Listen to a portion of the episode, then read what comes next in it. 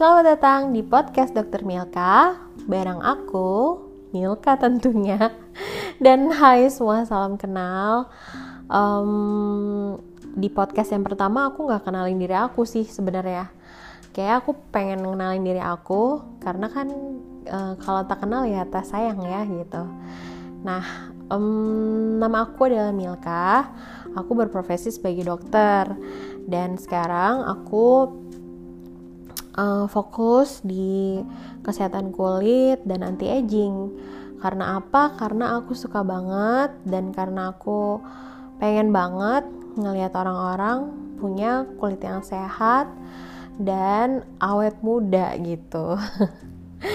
um, kayak singkat cerita dulu sih sebenarnya kenapa aku tertarik um, di kesehatan kulit dan anti aging khususnya karena yang pertama waktu aku dokter muda dulu aku baru pertama kalinya menginjakan kaki di um, sebuah klinik kecantikan. Nah di sana aku ketemu sama salah satu dokter spesialis kulitnya dan waktu itu aku konsultasi karena beliau tahu aku seorang dokter muda kita ngobrol agak cukup lama dibanding pasien yang lainnya gitu uh, sambil ngobrol sejujurnya aku sambil amazed ngeliatin kulitnya beliau. Dan apa? Uh, beliau masih ada sampai sekarang dan masih terus menginspirasi banyak orang sepertinya dan terus menjadi gurunya banyak orang juga. Beliau um, waktu itu kulitnya aku lihat tuh warnanya nggak yang putih gitu. Jadi di di masa waktu aku dokter muda itu banyak banget apa wanita yang berlomba-lomba pengen kulitnya putih dari ujung kepala sampai ujung kaki pengen banget putih. Dan di situ uh, aku bertemu dengan seorang expert yang di bidangnya dan beliau kulitnya sawo matang tapi sehat banget gitu. Jadi dari situ aku wah ternyata ada ya. Jadi kayak ternyata ada ya cantik alami yang sesungguhnya yang sehat dan oke okay juga gitu. Nah dari situ aku uh, mulai tertarik de dengan kesehatan kulit dan uh, kecantikan ini gitu. Terus sering berjalannya waktu aku lulus lulus saya jadi dokter aku sempat bekerja di salah satu uh, klinik kecantikan dan sampai akhirnya aku punya sendiri sekarang itu sebenarnya banyak banget aku ketemu pasien uh, yang mereka sebenarnya um, mereka kurang paham sama apa apa produk yang mereka pakai sehingga kulit mereka menjadi rusak gitu. Jadi um, itu yang setiap ketemu setiap um, ganti pasien gitu. Kayak sedih gitu ngeliatnya wah sayang banget ya coba dulu pakainya benar coba dulu ada yang ngasih tahu ya gitu. Mungkin mereka nggak sampai seperti ini gitu karena menurut aku sam um, kesehatan kulit itu memang menyangkut kepercayaan diri seseorang gitu.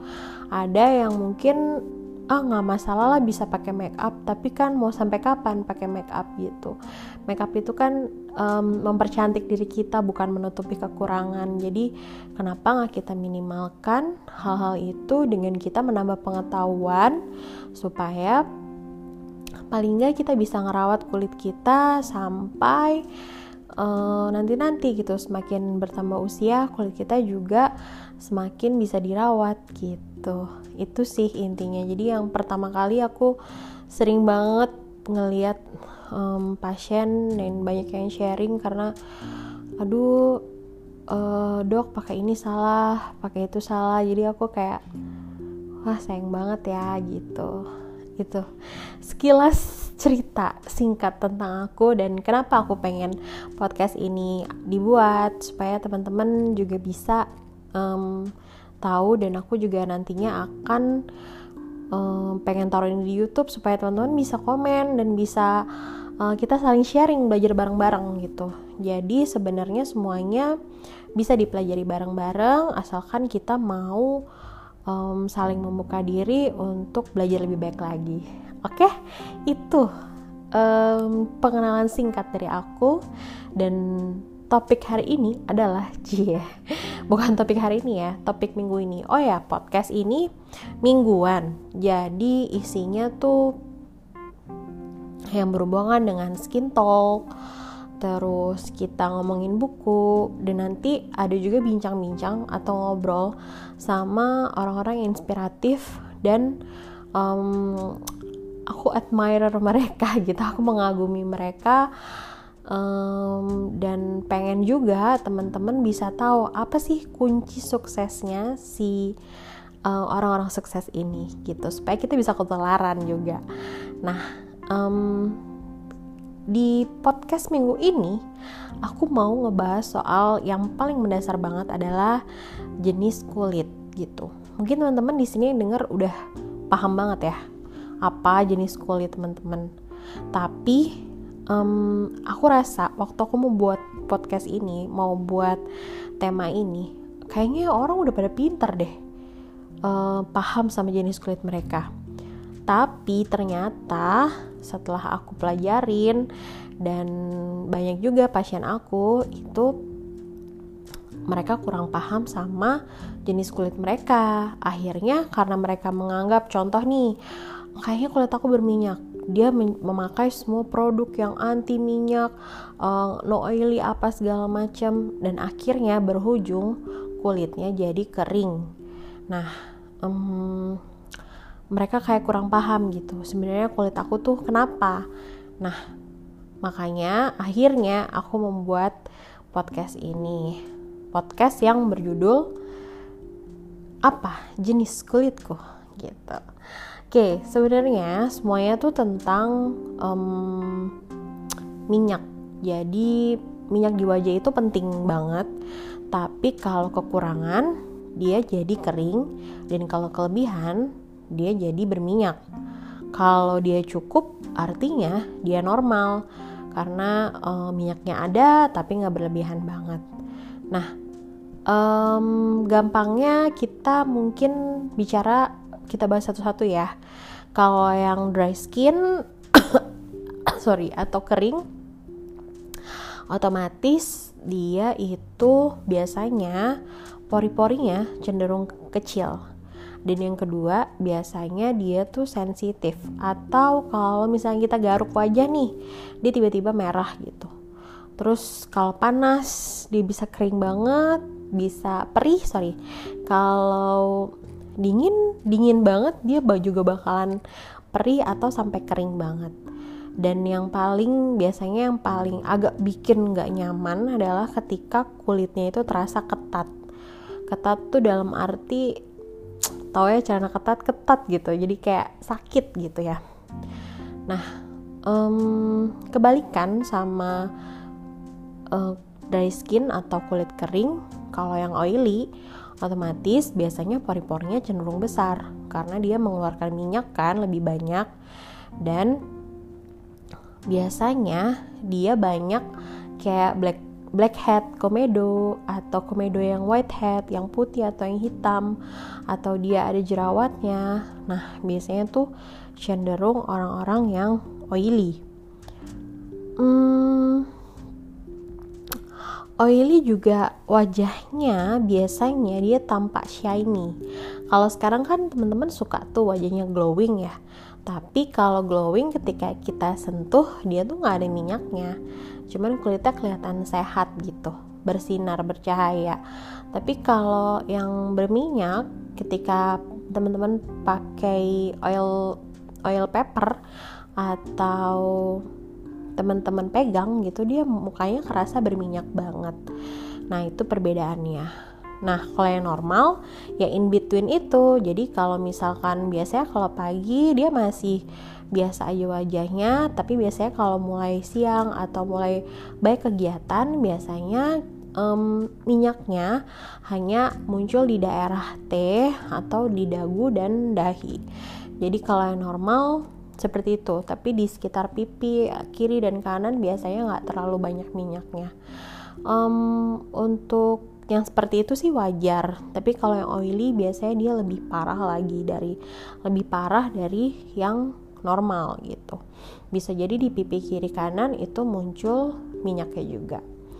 Nah, um, banyak ya teman-teman kan kadang juga banyak yang bilang ada yang sensitive skin. Sentis, uh, sensitive skin tuh maksudnya gimana gitu?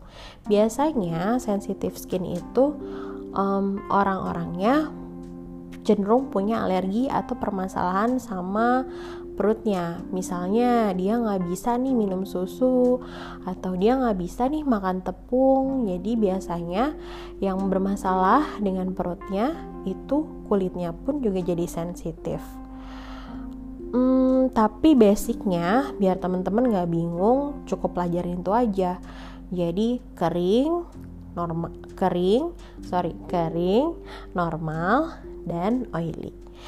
Um, sekarang teman-teman kan suka bingung nih. Terus kalau misalnya uh, skincare yang pas buat aku yang berkulit dry skin tuh apa sih? Sebenarnya tahapan skincare-nya tuh teman-teman gampang aja sih.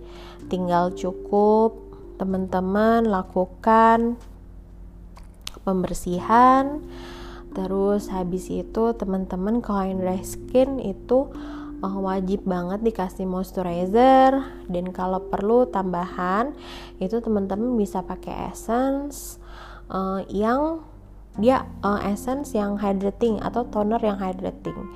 Serum juga diperlukan kalau teman-teman memang kulitnya sangat amat kering. Nah, serum, toner, essence, dan um, moisturizer itu membantu memberikan kelembapan dan mengunci agar kulitnya tampak lebih normal. Nah, uh, bisa nggak sih ketika kita udah dry skin terus, terus kita uh, kita kasih skincare yang hydrating, terus kulit kita jadi normal? Kecenderungan itu ada, bisa karena kita udah ngerawat kulitnya gitu. Nah, um, untuk teman-teman yang punya dry skin, jangan lupa juga ya, wajib banget pakai krim malam. Ma saat malam ketika tidur kamu uh, memakai skincare yang malam, dia akan bekerja lebih maksimal ketika kamu tidur dan paginya akan lebih terasa moist. Nah, itu tadi buat yang dry skin. Nah, sekarang kalau yang oily gimana nih? Apakah yang oily perlu moisturizer juga? Menurut aku moisturizer tetap diperlukan untuk yang oily. Cuman kita bisa pilih bahan-bahan yang nggak terlalu berat untuk orang yang oily. Teman-teman bisa pakai krim yang berbahan dasar gel supaya penyerapan krimnya lebih lebih cepat ke dalam kulit dan teman-teman bisa beraktivitas dengan baik. Kalau malam sebaiknya bisa gunakan apalagi yang berjerawat. Kalau yang berminyak biasanya dia berjerawat dan berkomedo, teman-teman bisa pakai serum atau acne night cream.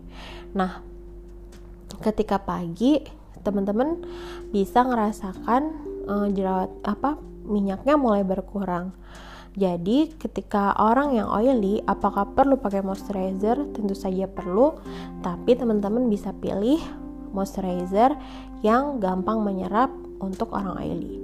Nah, hmm, apakah sunscreen juga perlu untuk orang yang oily? Karena kan banyak ya yang pakai sunscreen gak nyaman, tambah berminyak rasanya. E, tetap diperlukan karena bahaya sinar matahari itu kalau misalkan kita nggak ada perlindungan itu akan banyak merusak sel-sel kulit kita dan berakibat kulit kita semakin bertambah parah lagi atau bertambah rusak. Nah, teman-teman bisa pakai sunscreen yang non komedogenik sehingga uh, sunscreennya tidak menutupi pori-pori supaya pori-porinya nggak tersumbat lagi. Jadi untuk yang oily yang penting tetap dijaga keseimbangannya.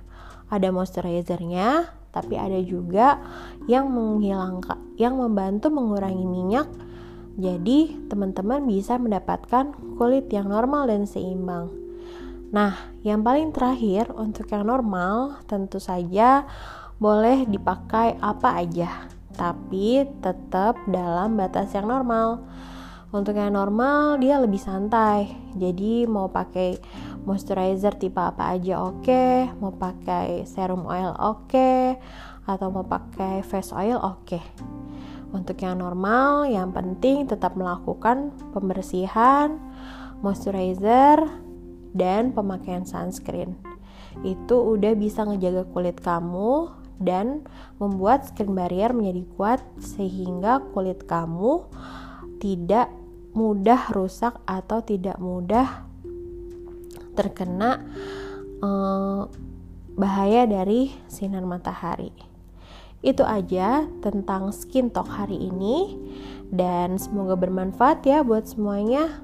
Kalau kamu masih bingung apa sih jenis apa sih jenis kulitku, kamu bisa follow kami, follow aku di @doktermilka at dokter.milkawika di Instagram supaya kamu bisa nge-DM aku. Dok aku udah dengerin podcastnya nih. Aku mau nanya dong soal ini. Aku berusaha menjawab pertanyaan kalian. Segitu aja podcast dari aku. Mudah-mudahan bisa ngebantu kamu ya yang lagi bingung. Have a nice day dan sukses terus ya